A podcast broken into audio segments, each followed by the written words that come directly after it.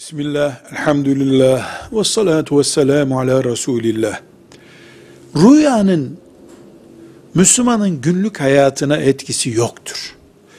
Dini konularda rüya ile yapılabilecek bir şey yoktur. Mesela rüya gördüğü için hacca gitmek diye bir şey olmaz.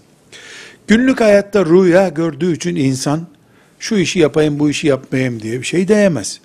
Neticede rüya basit bir moral kaynağıdır.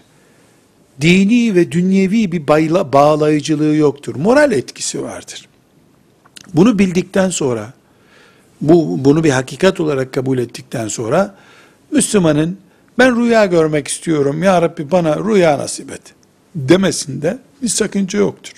Yani ben işte filanca arkadaşımı rüyamda göreyim diye bir dua etse Müslüman bu duasıyla vebale girmiş olmaz ama duası kabul olacak öbürünün rüyasını görecek diye çok yoğun bir beklenti içine de girmemeli. Hayat gerçeklerle yaşanmalı.